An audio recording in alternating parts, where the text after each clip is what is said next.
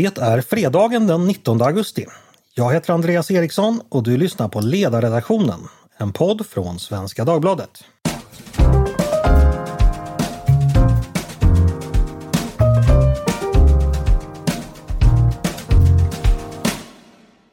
Varmt välkomna!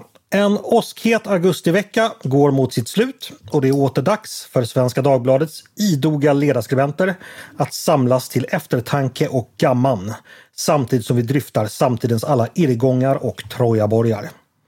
Det är valrörelse och sålunda är labyrintens vallar högre och mer svårgenomträngliga än vanligt. Och till tidens tecken hörs allt fler av truismer, anakoluter, elegier, pekoral och plattityder. Men vi ska försöka lägga örat mot den torra markens gulnade gräs och avlyssna tidens sanna syntax och frasering så här i hundmånadens sista skälvande dagar och fuktiga nätter. Med mig för att sätta tänderna i just denna veckas händelser har jag en trio som jag kallar Svevene efter begynnelsebokstäven i deras efternamn. Nämligen Mattias Il Conte Svensson, Peter Il Professore Wennblad och Paulina Il Canonieri Neuding. Välkomna! Tack! Jag är en man. Tackar! Jag visste att du skulle säga det Paulina, mm. så att eh, eh kanoniore betyder alltså skyttekung. Feminint mm. blir det kanske kanio, kanoniera eller liknande. Mm. Det är nu man behöver en eh. genusvetare på riktigt. Precis. Du, eh, skyttekung, gillar du skytte? Jag vet ingenting om detta. Göran Skytte. Mm. Göran Skytte det där syftar naturligtvis på Milans legendariska svenska innetrio. Eh, och då gjorde jag exempelvis Mattias, du blev Il Conte där, greven. Eh, vad tänker du om det? Ja, jag har ju pinsamt nog eh, glömt vem som var vem av Gren och Ri. Gren var ju då, eller förlåt, Lidholm var ju, var ju greven, han gifte sig med grevinna. Ja. Peter, du blev Il Professore, det känns väl bra? Mycket smickrande. Ja. Precis. Eh, ja, vi ska ju börja med att snacka upp er lite. Mattias, du har ju varit inne och chefat igen i veckan. Hur har det gått? ja, tidningen kom ut. Jag tänkte precis få fråga dig, finns Svenska Dagbladet kvar som periodisk tidskrift eller har utgivningsbeviset rivits sönder av Patent och registreringsverket? Peter, hur går det på din front? Hur går det med kulturdebatten? ja, jag försöker hålla mig ifrån den eh, faktiskt. Men som jag har förstått så pågår den fortfarande om du, om du syftar på diskussionen om hur rebelliskt det är med hårdrock eller inte. Ja, och, och hur bra koll högern har på sånt där, eh, vilket vi inte har förstås. Så Nej, själv, självklart ja. inte. Nej, eh, men den, den går säkert bra, det där löser du. Eh, Paulina, välkommen du också. Eh, hur har du klarat den här veckans hetta? Bra tack. Mm. Jag har varit ute och rest i Europa och suttit på väldigt eh, varma tåg och varit för varm. Mm. Men nu får vi ta och försöka kyla ner oss och det ska vi göra med ett nytt moment som vi ska börja med. Som jag är övertygad om att kommer bli mitt favoritmoment. Det heter Veckans snackis. Och snackis är ju då kvällstidningska för en sak som hänt i veckan som alla känner att de måste förhålla sig till. Och veckans snackis den här veckan, det är förstås Kalla faktas avslöjanden. Igår kom det att fem av åtta riksdagspartier förklarat sig villiga att kringgå den lag som finns mot att partier ska kunna ta emot stora bidragpengar från källor som inte redovisats. Eh, att, att, att givarna är anonyma helt enkelt. Eh, detta avslöjade man helt enkelt genom att man ringde runt och kollade och då förklarade Moderaterna, Socialdemokraterna, Sverigedemokraterna, Liberalerna och Kristdemokraterna sig villiga att försöka, sätt, sig villiga att försöka hitta en väg att helt enkelt kringgå den här lagen så att givaren inte behöver synas utåt. Vad tycker vi om detta? Hur förvånade är vi och hur allvarligt är det? Eh, jag tänkte börja med dig Peter. Det här med reglering av partibidrag är kanske något som vi inte funderar på så ofta. Hur den ser ut och varför det finns. Många kanske känner sig mm. lite vilsna. Det som kommit fram, hur stor grej är det skulle du säga? Jo, men jag skulle säga att det, det har många av de ingredienserna som gör en eh, nyhet stor. Alltså dels har vi ju själva det som redan har framkommit i Kalla faktas eh, reportage. Men att jag tror att vi kan, vi kan nog förvänta oss att det kommer mer den närmaste tiden. Alltså för det, det väck, reportaget väcker många frågor. De här personerna som i partierna som är med i själva reportaget. Vad visste deras chefer till exempel? Eh, det framstår ju i Kalla faktas inslag som att det är ju inte första gången de tänker de här eh, banorna utan eh, de här förslagen på hur, hur man liksom kan runda regelverket kommer, mm. ju, kommer ju rätt snabbt. Är du förvånad? Nej, både och. Eh, på något sätt. Jag har inte riktigt bestämt mig om jag ska vara ärligt om, om jag är förvånad eller inte. Jag, jag, är, jag är svår att förvåna. Eh. Mm. Men känns inte det här som en story som behöver lite tid att smälta kanske både hos en själv och liksom i offentligheten? Att man, ja, jag känner, känner lite så. Ja, det, det, det är liksom ingen sån här eh, omedelbar kioskvältare nyhetsmässigt. Mm. Men den kan växa om man tänker liksom, om man just som du gör funderar vidare så här att ja, men, hur, mycket, hur mycket skit ligger bakom det här helt enkelt. Ja, precis. Eh, Mattias, eh, tycker du det är en vettig reglering att man inte ska kunna skänka pengar anonymt som man vill? Det går ju in lite och inkräkta på valhemligheten exempelvis att man måste redovisa om man vill stödja ett parti. Ja, alltså jag är, ju, jag är ju en rätt varm integritetsvän, så ur det perspektivet, jag, jag förstår definitivt och de skäl som, som uppges i det här är ju liksom eh, verkligen på riktigt. Att, eh, att, att stödja ett parti kan liksom vara eh, få, få konsekvenser för privatliv, för affärsliv, eh, och för eh, möjligheter. Så det är ju därför vi har valhemlighet och håller väldigt hårt på den.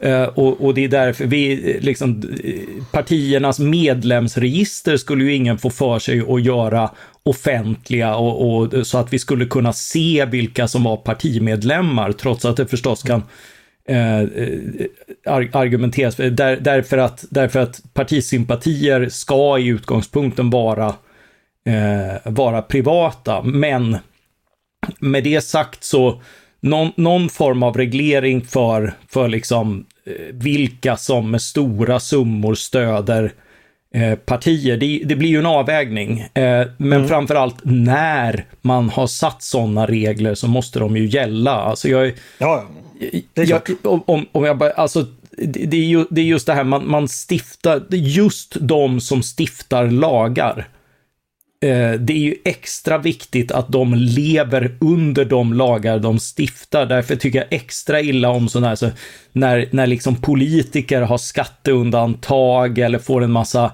eh, liksom service vid sidan om och sådär. De, de, eh, de får gärna vara välarvoderade och sådär, men de, de ska inte sitta med en massa fördelar och, och, och jag, jag blev lite chockad av liksom den här bekvämligheten med vilken man Eh, Eh, undviker det regelverk man själva har, har infört. Mm.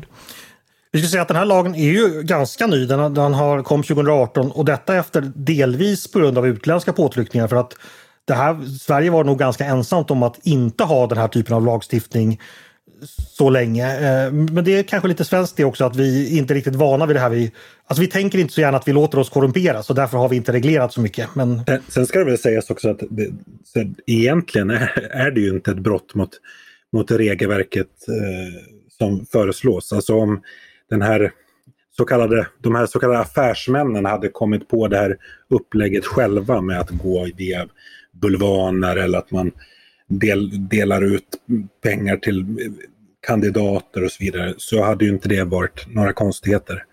Eh, utan det är ju just att liksom förslaget kommer inifrån eh, partierna. Men jag tror att en delförklaring till det här är nog ändå att vad säger, de här affärsmännen eh, har ju alltså önskan om att inte behöva skylta med att man stödjer ett politiskt parti. Den är ju begriplig. Det är ju inget konstigt i det. Sen ska det liksom i lagstiftningen så har det vägts mot vad säger, andra intressen och där man ja, har kommit fram till att liksom transparensintresset får väga tyngre. Men det är ju eh, det hade ju varit mer, ett mer liksom skandalreportage det här om det, om det hade handlat om att det här var pengar som skulle eh, betalas in med villkor.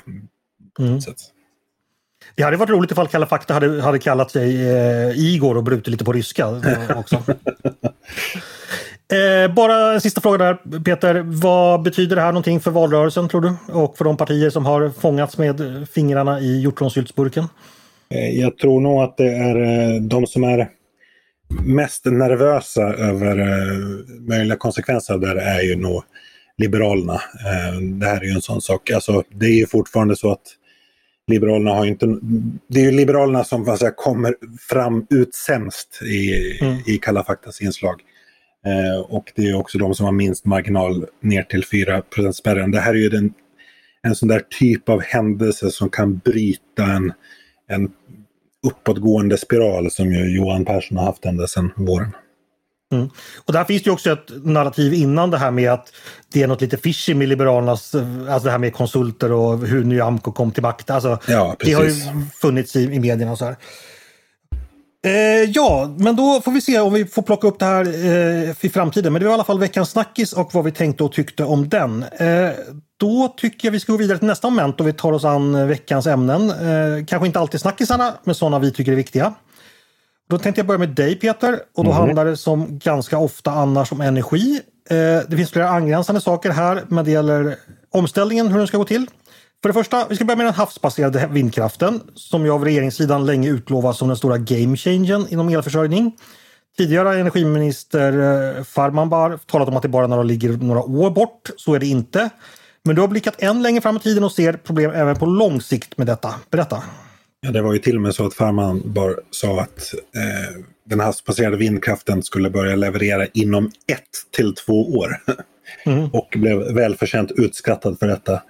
Eh, men det är ju fortfarande så att både liksom regeringen och vindkraftsbolagen pratar om alltså, sent 20-tal. Eh, det här till exempel Krigers vattenfallsprojektet Krigers flak söder om Trelleborg eh, planeras ju driftsättas 2028.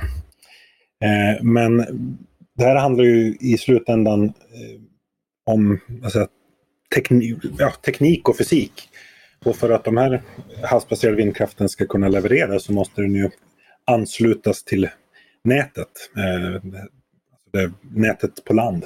Och det är en ganska komplicerad historia. Så att, och Svenska kraftnät har gjort en utredning kring det här om hur man kan göra detta och till när. Eh, och där har vi ju tidtabell, eh, eller målsättningar som de själva kallar det, som, ju, som inte riktigt rimmar med vare sig eh, budskapen i politiken eller energibolagens planer. Utan mm. vi pratar i bästa fall om, eh, ja men till exempel då i, i, i Skåne som Krigersflak-projektet skulle kunna ansluta till 2032. Utanför Norrbotten där, där vi just till exempel SSAB vill tillverka, elektrifiera sin produktion av stål.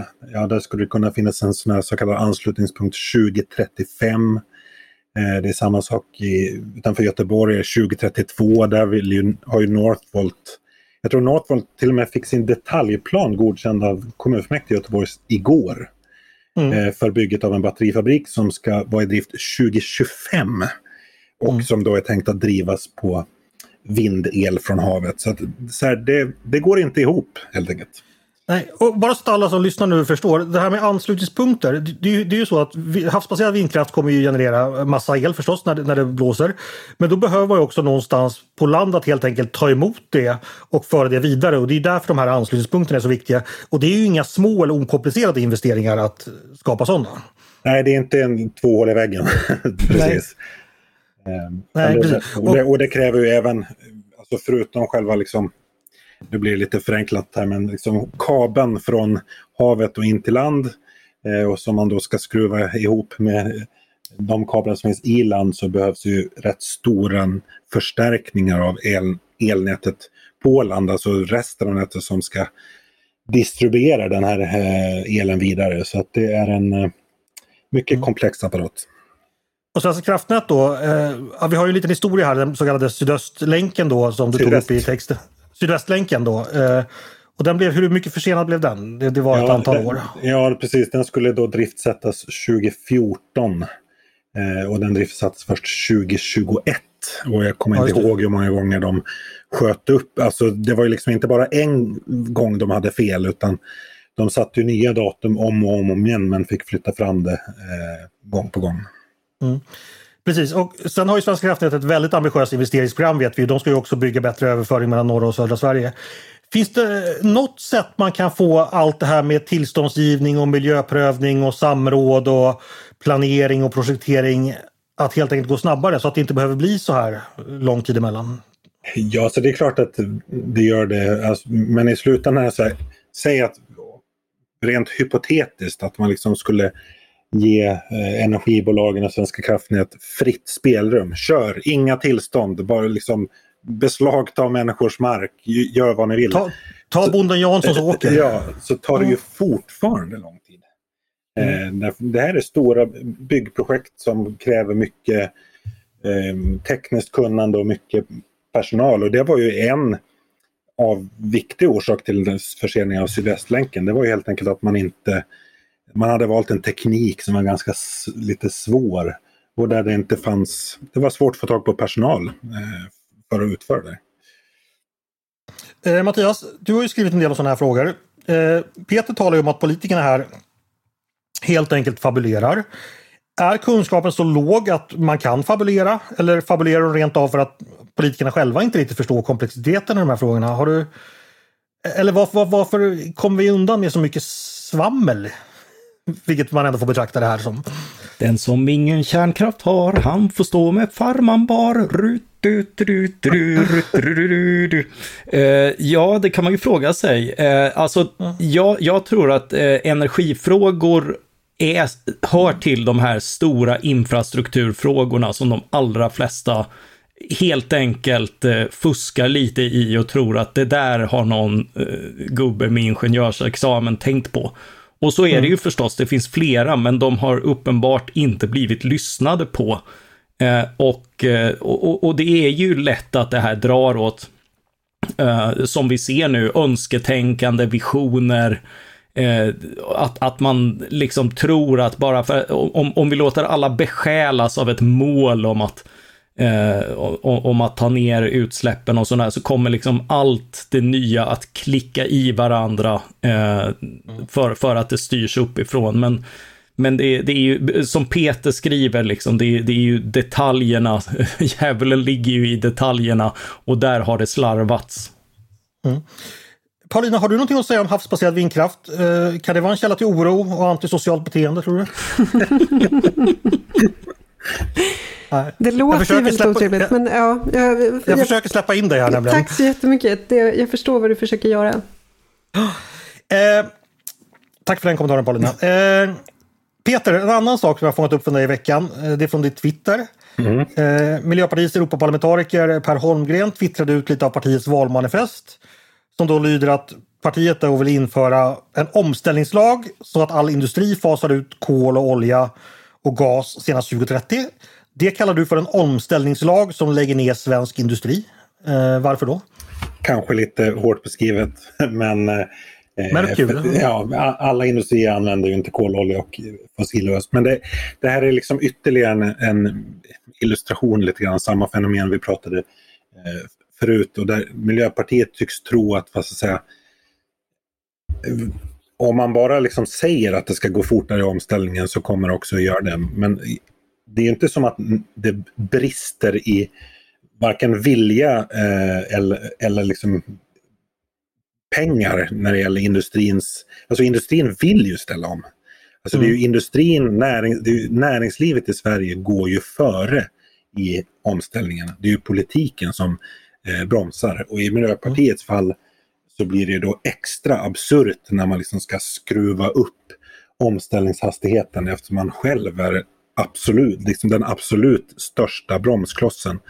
Alltså, näringslivet och, framförallt industrin har ju gång på gång på gång pekat på att så här, vi, vi vill och kan ställa om men vi måste göra någonting åt tillståndsprocesserna. Det tar alldeles för lång tid, det är alldeles för svårt och oförutsägbart. Och vem är det som minst av alla vill förändra miljölagstiftningen? Ja, det är ju Miljöpartiet. Det är Miljöpartiet mm. som har bromsat det hela tiden. Mm. Alltså, jag tog som exempel i det här Twitterinlägget att nu ska liksom då hela Sveriges industri göra sig fossilfri på åtta år. Och under samma tid lyckades inte Miljöpartiet självt att fatta, förlåt att jag svär nu, att fatta beslut om en enda jävla gruva. Utan mm. sköt det här beslutet framför sig år efter år. Liksom. Mm. Så att, eh, ja, Miljöpartiet tycker ju, de går ju till val under eh, parollen alla ska med när Sverige ställer om. Men det verkar liksom inte gälla Miljöpartiet självt. De är de som mm. är minst villiga att ställa om.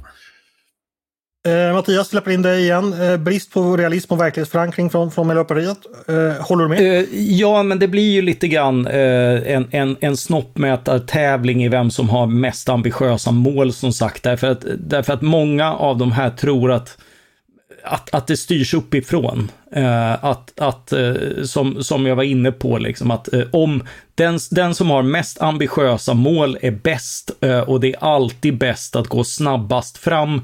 Eh, och, och, det är det ju inte. Det finns ju en anledning till att vi använder andra. Det finns en anledning till att Eh, att, att, att man inte bara lägger ner vad vi har idag på en gång där, därför att det skulle liksom vara för, eh, för stora väl, välfärdsförluster och ersättningarna finns inte riktigt. Det är också, eh, alltså, alltså det kan bli direkt eh, kontraproduktivt att forcera den här utvecklingen för mycket. Utöver att det kostar på andra områden så, så blir det ett rent resurslöseri om vi idag skulle införa för mycket av av en teknik som är i sin linda och har tunga batterier och annat och som, eh, som nog behöver ett par decennier för att, för att mogna och gradvis utvecklas. Jag hade ju en fantastisk diskussion med en miljöpartist på Twitter igår kväll eh, om det här och han tog då som, och liksom, där det han sa illustrerade så väl den här föreställningen som Mattias talar om.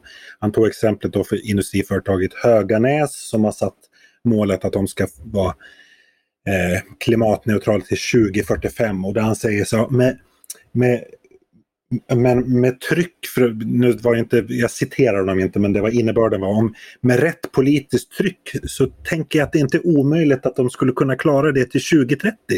Alltså sitter och tänker lite på kammaren sådär. Mm. Eh, så om det bara hade, hade att göra med vad Höganäs har lust att göra. Mm.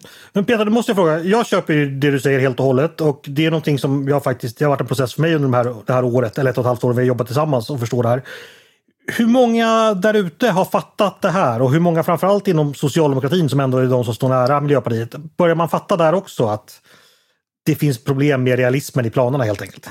Jag, jag tror mellan skål och vägg eller vad det heter så tror jag att man, alltså i takt med att de här hållpunkterna i den svenska klimatpolitiken kommer, kryper allt närmare. Mm. Då blir ju stressen större. Eh, och då blir de, de här liksom, typerna av utspel allt mer desperata. Men det kommer ju till en...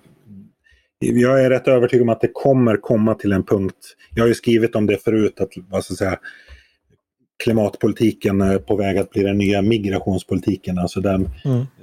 där det så småningom kommer man tvingas inse att, att politiken inte, eller vad ska jag säga, de klimatpolitiska målen inte klarar mötet med verkligheten. Mm. Och då har alla varit naiva igen. Nu hörde jag lite från Paulina här. Eh, vad säger du, utfasning av kol, olja och fossilgas. Eh, är det ett exempel på social oro i spåren av en för hög invandring på för kort tid och obefintlig integration? Vet ni vad jag satt och tänkte på?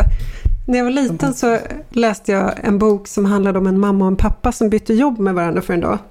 Och sen ja. så gick ju allting åt skogen på gården för att liksom pappan kunde ju inte kärna smör och mamman kunde ju inte liksom göra mansarbete.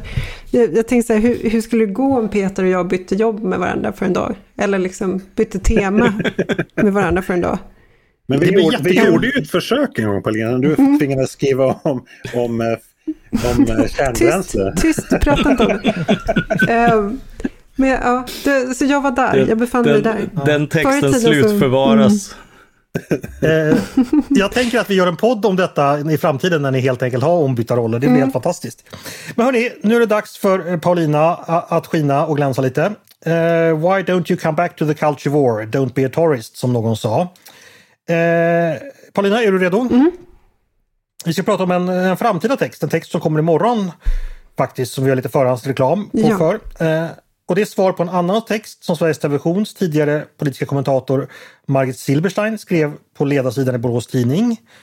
Eh, citat citerar henne nu. Jag får ont i magen av Kristerssons attityd till SDs vitbok.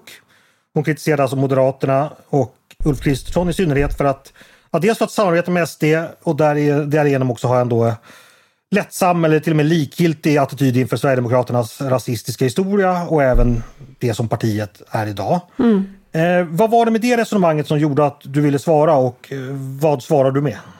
Det finns mycket i det där. För det första så tror jag att, eh, alltså varför är SD så stort idag? Jo, därför att övriga partier bildade en kartell kring invandringen. Man sa att det här är det, är, det här eller the highway, liksom. Mm. Eh, och effekten var ju att människor började rösta på SD trots att människor i allmänhet i Sverige inte sympatiserar med det här eh, eh, förflutna inom svensk nynazism som nu SDs vitbok även har, visat på. Alltså det här är ju ingenting som SDs väljare i allmänhet sympatiserar med. Ändå så har väljarna drivits i famnen på det här partiet. Och det här beror dels då på att övriga partierna eh, har haft den här kartellen kring migrationen och dels på hur media agerade. Så att det här är en skapelse av det här politiska mediala etablissemanget. Eh, och det tycker jag att man som del av detta etablissemang måste vara väldigt ödmjuk inför. Och då har jag ett exempel från 2014 när Fredrik Reinfeldt skulle avgå.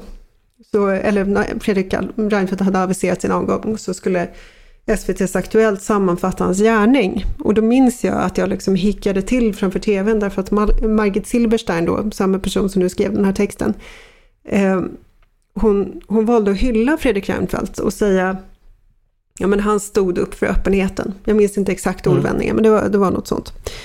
Eh, och, och, det liksom presenterades som att det inte var ett politiskt ställningstagande. Det är någonting, alltså, en inrikespolitisk kommentator på SVT Aktuellt är ju inte en ledarskribent eller så, utan det är någon som ska mm. stå för någonting politiskt oberoende. Så, så att det här liksom illustrerar hur media förhöll sig till den här frågan. Man kunde prata om den så kallade öppenheten, alltså storskalig asylinvandring från liksom, specifika regioner i världen som någonting som är liktydigt med humanitet och brinnande antirasism. Det är andra eh, ordvändningar mm. som Margit Silberstein har använt.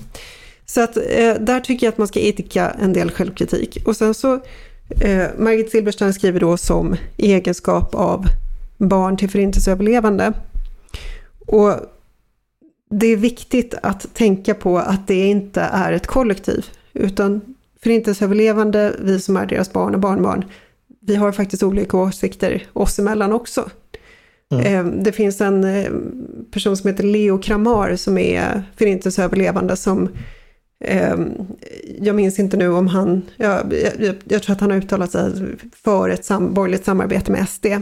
Men det är en förintelseöverlevande som inte får samma status i debatten därför att han har så att säga fel åsikt. Så det, det, är viktigt att äh, tänka på nyanserna också när det gäller hur åsikterna går ibland förintelseöverlevande i den här frågan. Det finns inte en sån åsikt utan det finns flera. Okay. Och sen den sista punkten då antar jag är hotet mot eh, judar idag exempelvis som du också tar upp. Ja exakt och jag menar och där är det så viktigt att tänka på att det är inte i Sölvesborg som vi har haft den största rasistskandalen i Sverige. Det är inte i Staffanstorp, det är i Malmö.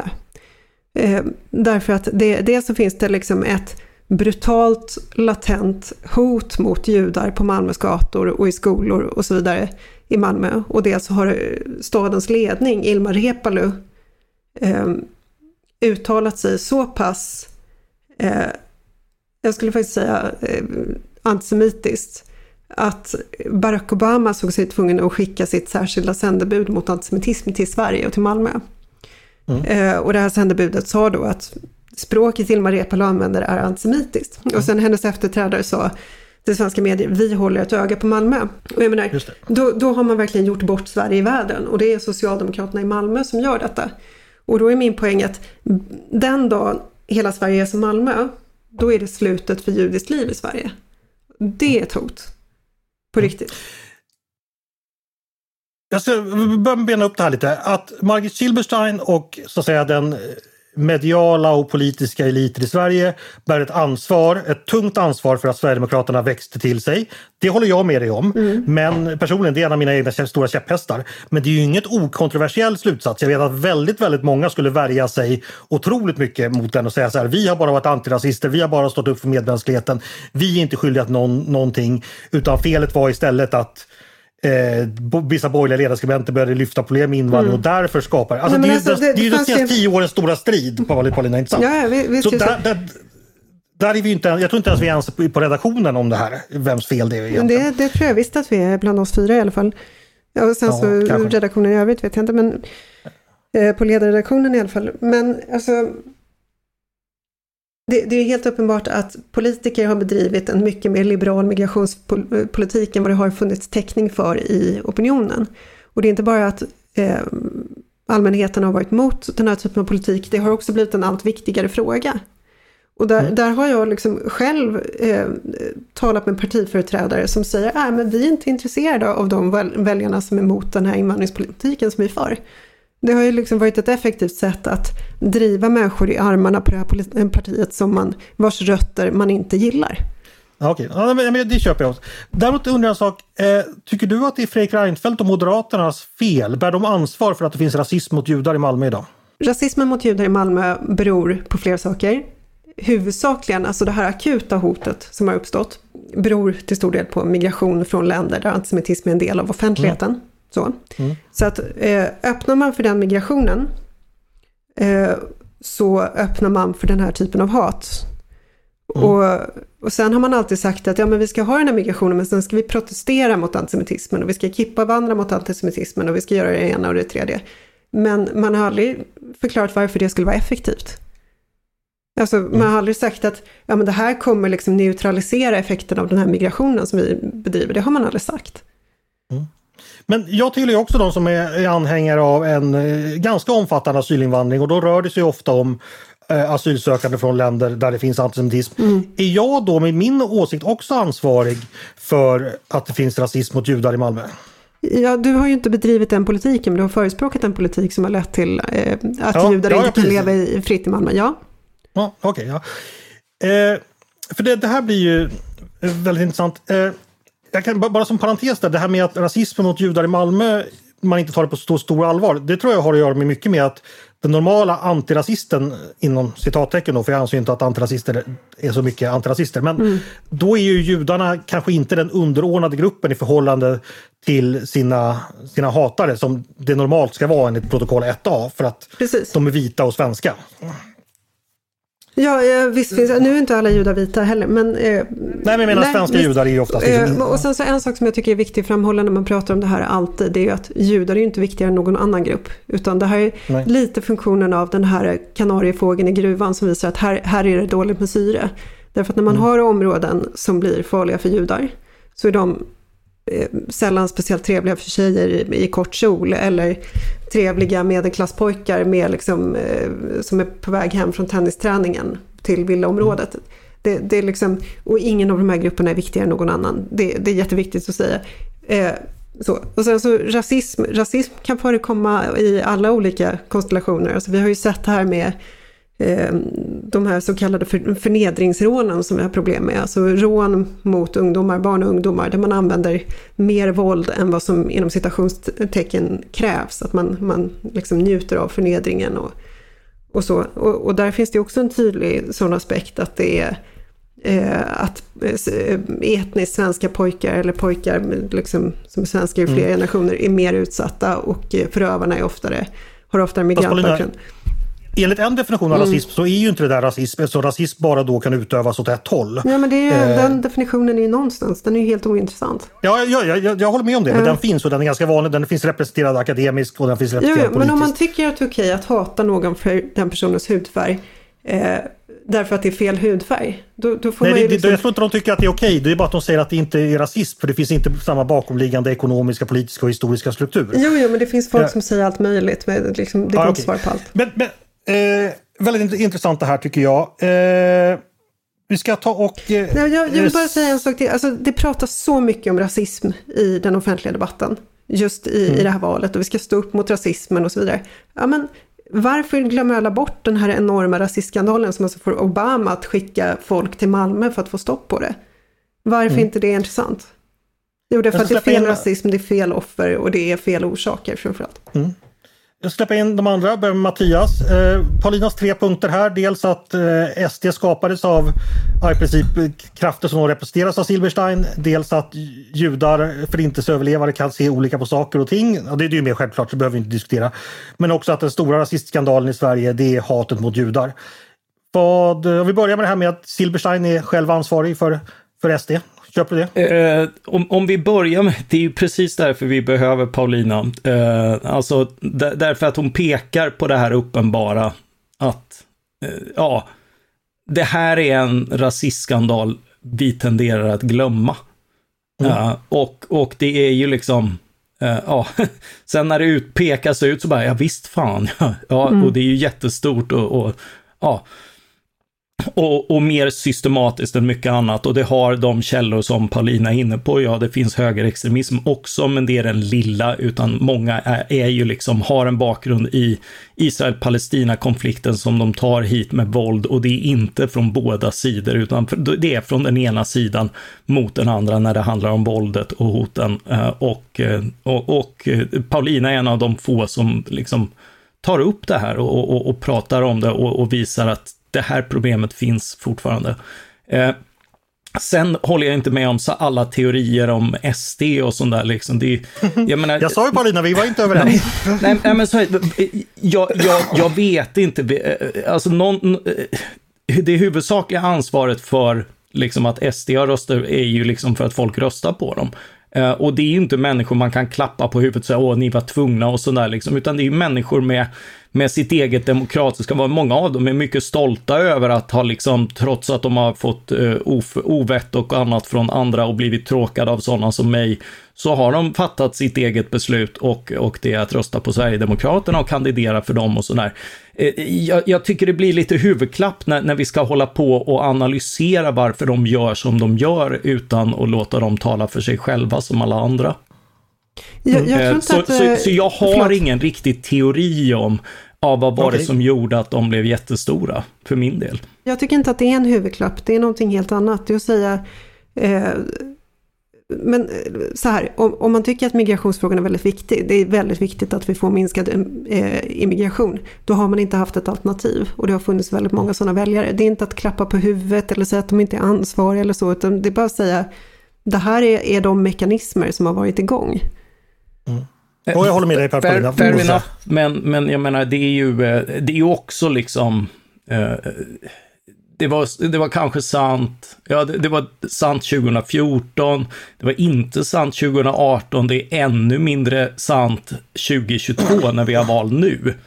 Därför att alla partier har omprövat sin migrationspolitik efter att det kom 180 000 asylsökande på ett år 2015. Jo, men vi har fortfarande eh, och då, och då måste man ju inte rösta på det partiet som dessutom vill hålla på skamstraff för nioåringar om man inte vill det. Vi ska komma till nioåringarna. Eh, bara en fråga till dig Mattias. Ja. Att en grupp som emigrerar till Sverige i något avseende präglas av värderingar som vi betraktar som otäck, otäcka. Ja. Är det ett argument mot en sådan immigration skulle du säga? Ja, det är det absolut. Eh, det, om, om, om, om, det är ett, om det är ett konklusivt argument eller inte, eh, det är väl en annan fråga därför att vi kan ju inte hålla på och åsiktsscreena folk. Eh, men, men det är klart att att det blir, allting blir svårare med människor som, eh, som, som beter sig illa på, på alla möjliga sätt och framförallt när man är våldsam och hotfull. Det har vi, mm. det har vi väldigt lite plats för i, i varje civiliserat samhälle. Samtidigt tänker jag att den typen av resonemang är ju också potentiellt väldigt farlig ja. eftersom den, det tangerar ju till, eller det tangerar att man börjar tillskriva individer i den gruppen. Ja, ja, ja du, börjar, du börjar kollektivisera och det är det som blir... Ja, Karolina, vad säger du? Varför nej. inte? nej, alltså om man säger eh, att en hög andel inom en grupp har en viss åsikt och att det ställer till problem. Det är inte att säga att varje individ i den gruppen har den åsikten. Det är inte 100 procent. Men om, om, om den åsikten är tillräckligt väl representerad så kommer det att ske en förändring i samhället om den gruppen är stor. Det är bara ren matte. Det handlar inte om att tillskriva ja, ja, varje, det, liksom, det, eh, varje individ. Så att, men det där är viktigt. Därför att det där är ett argument som förs fram som om det vore främlingsfientligt att säga det här. När det i själva verket handlar om att slå vakt om eh, tolerans och att inte ha främlingsfientlighet. Fast jag menar det här skillnaden mellan kollektiv och individ. Att om du säger, att det här kollektivet mm. ska vi inte uppmuntra till att invandra. Då drabbar ju det även individer som inte delar det här som är karaktäristiskt för, för gruppen. Nej, men poängen är när vi säger vilken typ av migrationspolitik klarar vi av att ha? Hur omfattande ska, ska den vara? Klarar vi integrationen? Då måste man ju titta på alltså, populationer.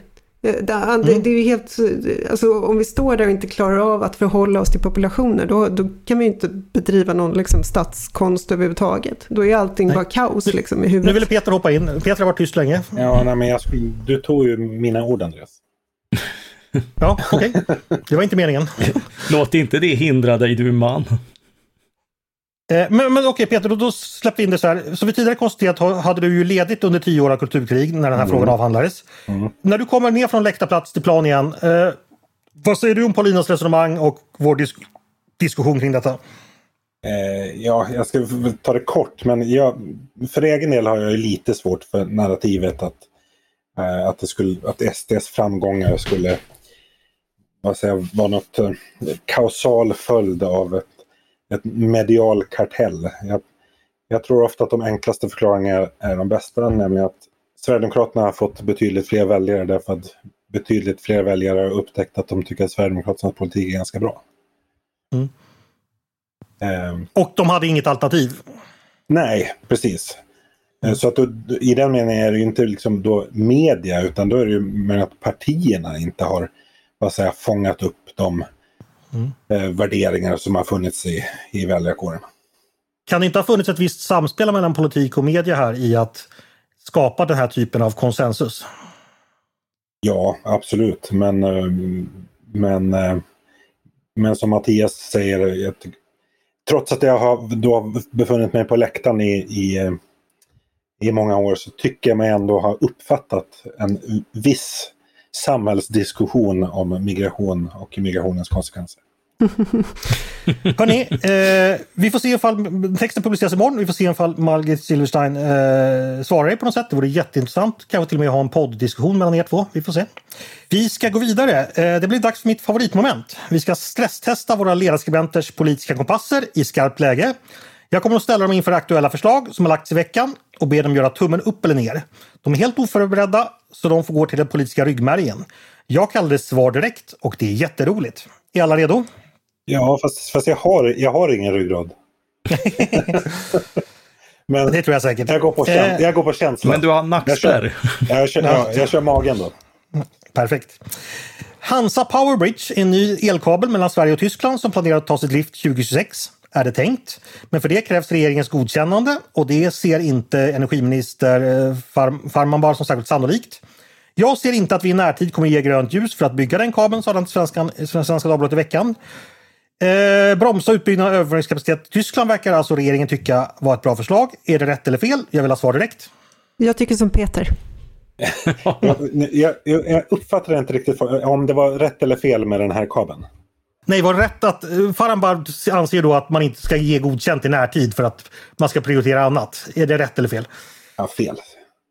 Du tycker man ska bygga ja, kabeln så fort det går? Ja, men jag tycker att den här liksom integrationen av uh, den här liksom europeiska elmarknaden, det är inte det som är alltså, orsaken till våra energiproblem i Sverige. Mm. Mattias? Ja, eh, jag, jag lutar åt detsamma. Okej, tar vi nästa. Sverigedemokraterna vill införa en ny typ av samhällstjänst som partiets rättspolitiska talesperson Tobias Andersson kallas, kallar statusnedbrytande. Tanken är enligt partiet att barn och ungdomar ska få lägre status i sina brottsliga kretsar. Eh, påföljden ska kunna vara sådant som att skrapa tuggummi, plocka fimpar eller sanera graffiti. Detta rapporterar TT. Denna samhällstjänst ska också kunna dömas till barn, utdömas till barn som inte är straffmyndiga, det vill säga yngre än de 13 år som SD vill sänka straffmyndighetsåldern till. Vad tycker vi om detta? Statusnedbrytande eh, städtjänst för barn. Är vi för eller emot? Jag vill ha svar direkt. Mot.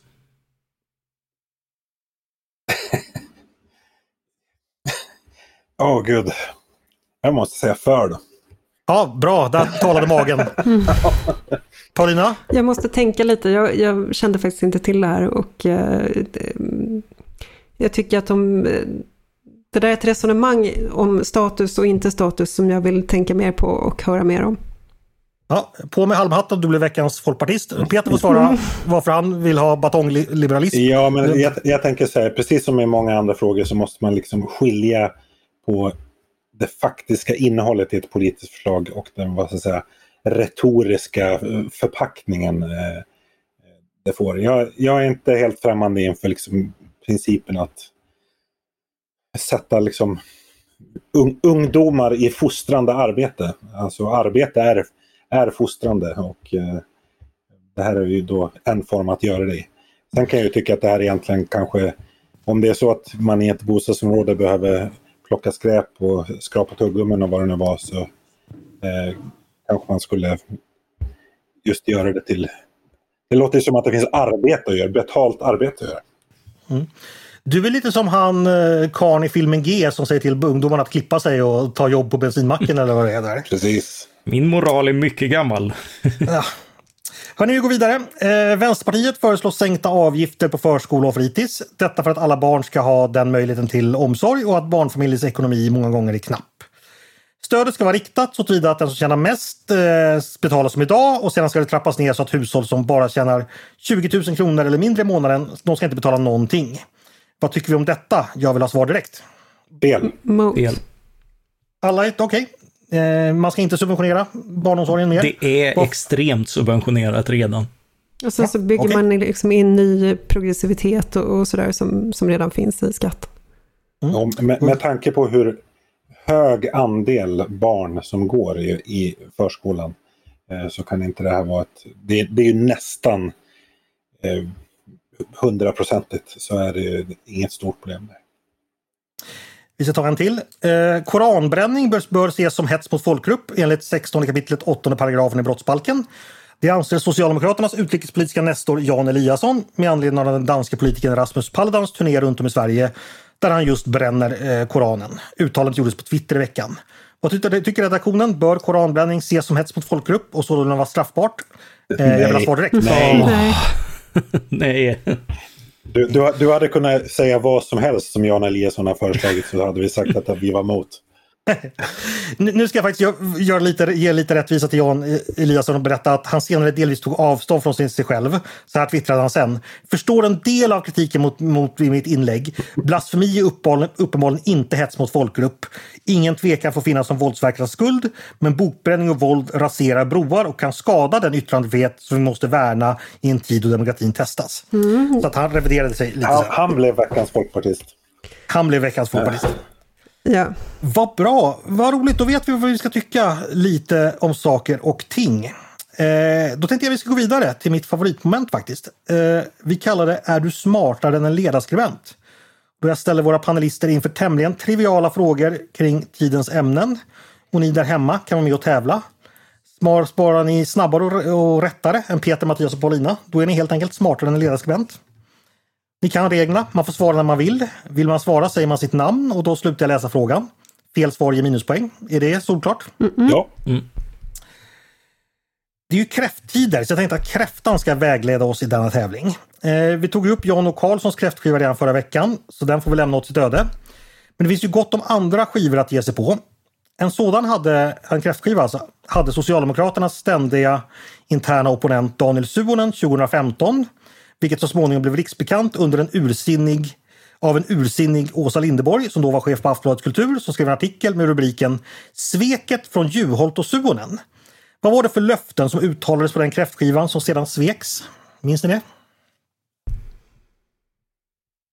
Mattias? Ja, låt höra. Eh, deltagande på Bokmässan. Helt rätt! Suonen hade lovat att Håkan Juholt skulle dyka upp i Aftonbladets monter på Bokmässan. Men detta blev inte. Istället så kom han till Expressens monter. Snyggt Mattias! Du är väl lite dopad efter din tidigare tid på Aftonbladet Kultur? tänker ja, det, det, detta var dock lite före skivan tror jag. Ringer det klockor hos er andra om den här storyn? Nej, faktiskt inte. Oh, det var en fantastisk Nej. kulturdebatt. Ja. Som, jag satt ju, som sagt, jag satt ju på översta bänkraden i, på läktaren i Kulturkriget vid den här tiden. Vi fortsätter. Sommaren 1998 blev just kräfter föremål för en smärre skandal när den engelska tv-kocken Keith Floyd var på Sverigeturné. Och i Värsö i Skåne tog han sig an och gjorde sin version av den, finsk, eller av den svenska kräftskivan. Såväl djurrättsorganisationer som kockar klagade och SVT fick klippa bort delar av materialet man spelat in. Varför?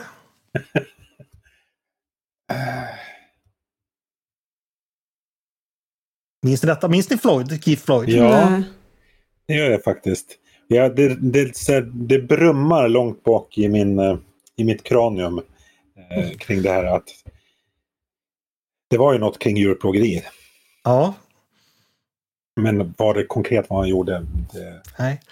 Det var så att eh, han kokade kräftorna fel. Han hällde i dem så de hamnade på toppen av massa andra saker så de ångades långsamt ihjäl istället för att liksom dö direkt som man, man skulle slänga ner dem i kokande vatten. Eh, och Floyd själv han blev jättesur över klippningen och talade om censur. Han sa så här, så här tillagar man skaldjur överallt i världen. Det är synd att Sveriges Television inte har samma attityd till hårdporren på tv-kanalerna på de svenska hotellrummen, lät han hälsa via sin agent. Och detta finns att se på Youtube och, Floyd var ju då en, han är död numera tyvärr, men han var ju en vän av starka varor så han var ganska starkt av akvavit när han, när han genomförde det här koket. Eh, ett poäng fortfarande till eh, Mattias, noll för övriga. Eh, kräfter kräva dessa drycker. Albert Engströms uppmaning från folkomröstningen för ganska precis 100 år sedan är ju väl ihågkommen idag. Denna folkomröstning om rusdrycksförbud kännetecknades av en unik reglering gällande valsedlarna som inte förekommit sedan dess i några val. En reglering som gör det möjligt att ta fram statistik från valet som annars inte är möjlig att få lika exakt. Vad är det jag tänker på? Mattias? Ja, låt höra. Eh, kön. Exakt! Män och kvinnor hade varsina valsedlar. Kan du berätta varför Mattias också? Ja, det kan jag. Därför att eh, det fanns eh, en väldigt stor majoritet, eller det fanns en majoritet bland kvinnor eh, för förbud. Eh, och de hade precis fått rösträtt och det var en av eh, frågorna som engagerade många kvinnor därför att de var helt beroende av män på ett annat sätt. Studier och arbete var inte lika öppet på den tiden. Eh, så, man var väldigt beroende av att mannen var skötsam, vilket han tyvärr ofta inte var. och Eh, samtidigt då så var man bekymrad över efterlevnaden. Skulle ett förbud kunna efterlevas? Och, och därför så, så hade man en parameter, det var ju en rådgivande folkomröstning och ett av de råd man ville ha var, är det tillräckligt många män som alltså är de som dricker, det var betydligt mer könat hur det dracks då än mm. idag. Men eh, så, så eh, frågan var helt enkelt om, om, tillräckligt många, om, om tillräckligt många män inte röstade eh, ja till förbud så trodde man att det skulle bli omöjligt att upprätthålla. Så därför vill man mm. ha med den parametern. Det handlar inte om att kvinnors röster skulle vara mindre värd. Nej. Eh, helt rätt så Mattias. Eh, guldstjärna med ingen extra poäng. Ja, ingen, ingen ja, extra poäng. Det är trots allt ett ämne jag har skrivit en bok om. Så. Eh, snapsvisor kräver också vissa drycker. En av de mest kända är Mera brännvin i glasen eh, till melodin av Internationalen. Den skrevs till ett spex på Handels på 60-talet av en sedermera känd svensk ekonom som bland annat i många år var ordförande för Nordea. Vad hette han? Eh, spexet hette väldigt spexigt eh, Rabalder med Balder. ordförande för Nordea. Nej, jag vågar mig inte på det här. Nej, och jag har också glömt bort det så jag googlar precis nu. Hans, Dahl, Hans Dahlborg heter han. Eh, det var tydligen så att han fick många fler frågor om den här snapsvisan än om sin, men frågan om sin doktorsförhandling fick han aldrig några frågor om. Det var han lite besviken Till skillnad från Refat. Hörni, kräftans vänkrets, är det den norra eller södra vänkretsen? Paulina, kom igen nu. Peter. Ja, låt höra. Norra. Helt rätt. Och det är minnesregeln södra som börjar på S och stenbocken som börjar på S också. Peter reducerar. Eh, en kräftskiva som gick vilt till gick av stapeln 1994 i Vitträsk utanför Helsingfors. Bland annat Sveriges dåvarande statsminister Carl Bildt deltog tillsammans med Finlands president. Efteråt kunde en finländsk tidning via anonyma källor rapportera att, och nu citerar jag, Presidentens virriga uppträdande och snubblande väckte förvåning bland de övriga gästerna. Bland annat ska presidenten ha bett om ordet under middagen, men när gästerna tystnade fanns det inget som tydde på att han skulle hålla något tal. Finlands statsminister Esko Aho ska ha löst det hela genom att ropa “Republikens president ska tala”. Efter att ha sagt några ord steg presidenten enligt, enligt tidningen då upp från bordet, tappade balansen och föll över ett annat bord i närheten, vilket resulterade i att en lampa på bordet gick sönder. Det är alltså fler än Sanna Marin som kan fästa uppenbarligen. Men vad hette republikens president vid denna Peter, tid 1994? Peter, Peter, ja. Det måste ha varit Martti Ahtisaari. Absolut var det mm. det. Går upp på 2-2. Nu är det spännande här. Paulina, sover du? Nej, men jag känner att det är så här, ni vet den här diskussionen om att olika standardiserade prov kan diskriminera minoriteter. jag känner så här, kräftor, vad blir det härnäst? Fläsk? Ja, jaha, du tänker så. Ja, ja, ja. Precis. Eh, det, det, så långt hade, så, så hade jag inte gått faktiskt. Exakt, du hade, du Unconscious gjort, bias. Ja, mm. du hade inte gjort en intersektionell analys av ditt mm. frågebatteri, Andreas. Exakt. Hörni, nu ska ni vara tysta. Eh, kräftor äter man ibland med kräftkniv.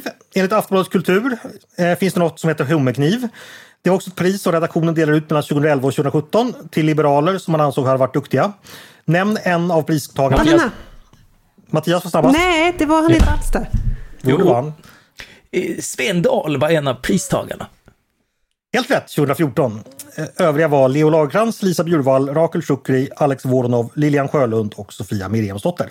Eh, då är det alltså då tre poäng till Mattias, två till eh, Peter och Paulina, vill du ha några minoritetspoäng här då för att du, det är synd Men kan du inte ställa riktiga kunskapsfrågor, liksom Olaus Petri och, och, och, sånt där? Du kan ta det till vi, nästa gång. Det till nästa gång, precis. Ah. Eh, har vi tagit kräfta och hummer ska väl krabba få vara med också? Krabban med guldklona heter en av Tintins äventyr, mest känt för att den unge hjälten träffar sin vapendragare Kapten Haddock. Men vilken roll spelar just krabban med guldklona i det här äventyret?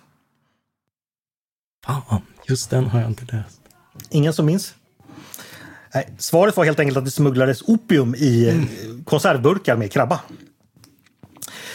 Då är det sista frågan eh, och Mattias ligger i vinnarhålet. Är ni redo? Mm. Hur mycket köper vi skaldjur för om året i Sverige? Eh, den senaste statistiken är från 2019. Hur, många, hur mycket pengar helt enkelt? Närmast vinner. Uff.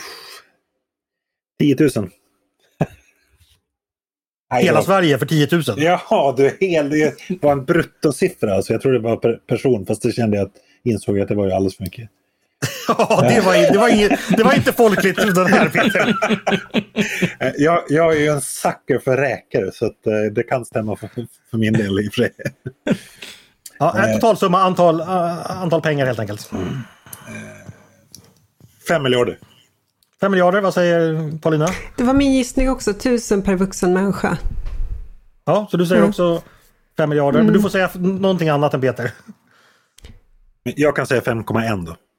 Ja, Mattias slutligen? Ja, men då säger jag 4,5. Då var du närmast för det är 795 miljoner nämligen. Vi överskattade folks aptit. Vad sa du, hur mycket? 80, 795 miljoner. Eh, då vet vi då att Svenska Dagbladets ledarredaktion överskattar skalhummer och räkförbrukningen. Ja, ungefär... här har vi hummerhögen. Verkligen. Eh, vi får något Jordan Peterson-pris här. Eh, hörni, eh, mm. det innebär att Mattias tar tillbaks titeln och vinner med 4-2 mot 0. Men som sagt, du var ju dopad av Aftonbladet Kultur och Paulina var ju hämmad av, av, diskriminering den här gången. Så att nästa gång så får det bli eh, alltså, enbart... Jag, jag eh, minns en tweet av dig Andreas, när du konstaterade att På spåret inte längre är vad det brukade vara. Förr i tiden ja. så var det så kungalängder och periodiska systemet och nu är det bara massa trams. Ja. Jag, bara, jag bara noterar det. Mm. Den tweeten blev så småningom också en artikel i, i vad heter det, TV-dags eller något sånt där. Så den kan man gå in och läsa. Och det, det, här, det, här, det här är ett Andreas moment alltså. Hörni, jag, jag lovar att återkomma med betydligt mycket mer Olaus Petri och regentlängder nästa vecka. Jag hade faktiskt tänkt ha tema Magnus idag eftersom Magnus har namnsdag idag. Ja, och då finns det ju, titta. Eh, Paulina, då kan du få den här. Eh, Magnus, känd militär som vann vid Helsingborg eh, 1710 och skickade en kurir till Stockholm enligt eh, Snolskis kända dikt. Vad hette han? Stenbock. Det gjorde han verkligen. Mm. Den stora rikskanslern Magnus då, som bland annat byggde palatset Makalös vid Kungsträdgården och eh, innehade det stora slottet Läckö utan vid Vänern. Magnus Gabriel de la Gardie. Det är ju fantastiskt där. Mm. Eh, om jag säger då slutligen eh, den Magnus som då eh, var känd för det stora juridiska reformer på på 1200-talet bland annat förbjöd våldsgästning hos bönder. Magnus Eriksson. Ladulås. Ha, ladulås. Han satte lås på bondens ja, ja, lada. Ja, såklart. Förlåt. Men i övrigt... också lite. Ja, du, du får pengarna sen. Mm. Hörni, eh, vi ska avsluta mitt favoritmoment. En liten spontan rundfråga där jag nyfiket ställer en just sån lättsam fråga till panelen som svarar lika lättsamt. Eh, idag ska vi faktiskt erbjuda er lyssnare en liten utväg. Jag vet att ni som lyssnar, framförallt som ni som har lyssnat ända hit, är otroligt intresserade av politik. Men allt är ju tack och lov inte politik och inte minst så här i valrörelsetider behöver man kanske ibland rensa huvudet och tänka på annat. Så nu undrar jag om panelen har några tips eller råd eller förslag på saker man ska göra där man garanterat slipper allt som har med val och partier och politiker att göra. Eh, Mattias, vill du börja? Uh, ja, jag är ju en tråkig jävel, så det, det är inte... Stick ut och spring, läs en bok, uh, gör en Sanna Marin och gå på fest. Mm. Det låter bra det. Eh, Paulina, du bra? Vad gör du när du vill slippa politik?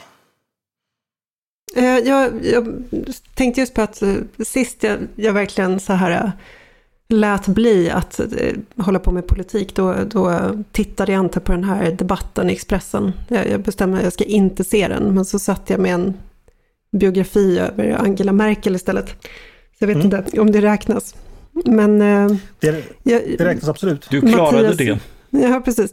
Mattias eh, råd var väldigt bra. Ut och spring, koka äppelmos snart. Snart Koka kommer äpplena. Och Peter slutligen, har du något förslag? Det är jag säker på att du har. Ja, då gör man det som jag, tänkt, som jag ska göra imorgon. Då sätter man sig i ett åtta timmars rockquiz. I, mm. där, där, I den världen existerar, eller i den bubblan nu, existerar nu, ingen nu, politik. Nu gav du upphov till fem nya kulturartiklar, Peter. Ja, ja, precis. Är, är det herrarna på ETC och Arbeten som har utmanat er på åtta timmars popquiz eller? Nej, det skulle inte de klara av. De är så, de är så veka. Hörni, stort tack! Då vet ni som lyssnar vad ni ska göra. Åtta timmars popquiz och äppelmos och läsa böcker om Angela Merkel. Eh, det låter väl bra? Det kan ni sätta igång med omedelbart. Eh, men nu har ni faktiskt eh, lyssnat klart på ledarredaktionen för idag. Tack Mattias, Peter och Paulina för att ni ville komma och prata med mig. Tack, Tack för att vi fick prata. Tack till er som har lyssnat också på Ledarredaktionen, en podd från Svenska Dagbladet. Ni är varmt välkomna att höra av er till redaktionen med tankar och synpunkter på det vi precis diskuterat. Tycker ni, liksom Paulina, att eh, är du smartare än en eh, ledarskribent har chanserat och blivit mindre bildande så får ni säga det. Eh, men också om ni har idéer och förslag på saker vi ska ta upp i framtiden. Mejla då bara till ledarsidan snabel svd.se. Jag heter som vanligt Andreas Eriksson Dagens producent heter som vanligt Jesper Sandström och jag hoppas som vanligt att vi hörs snart igen.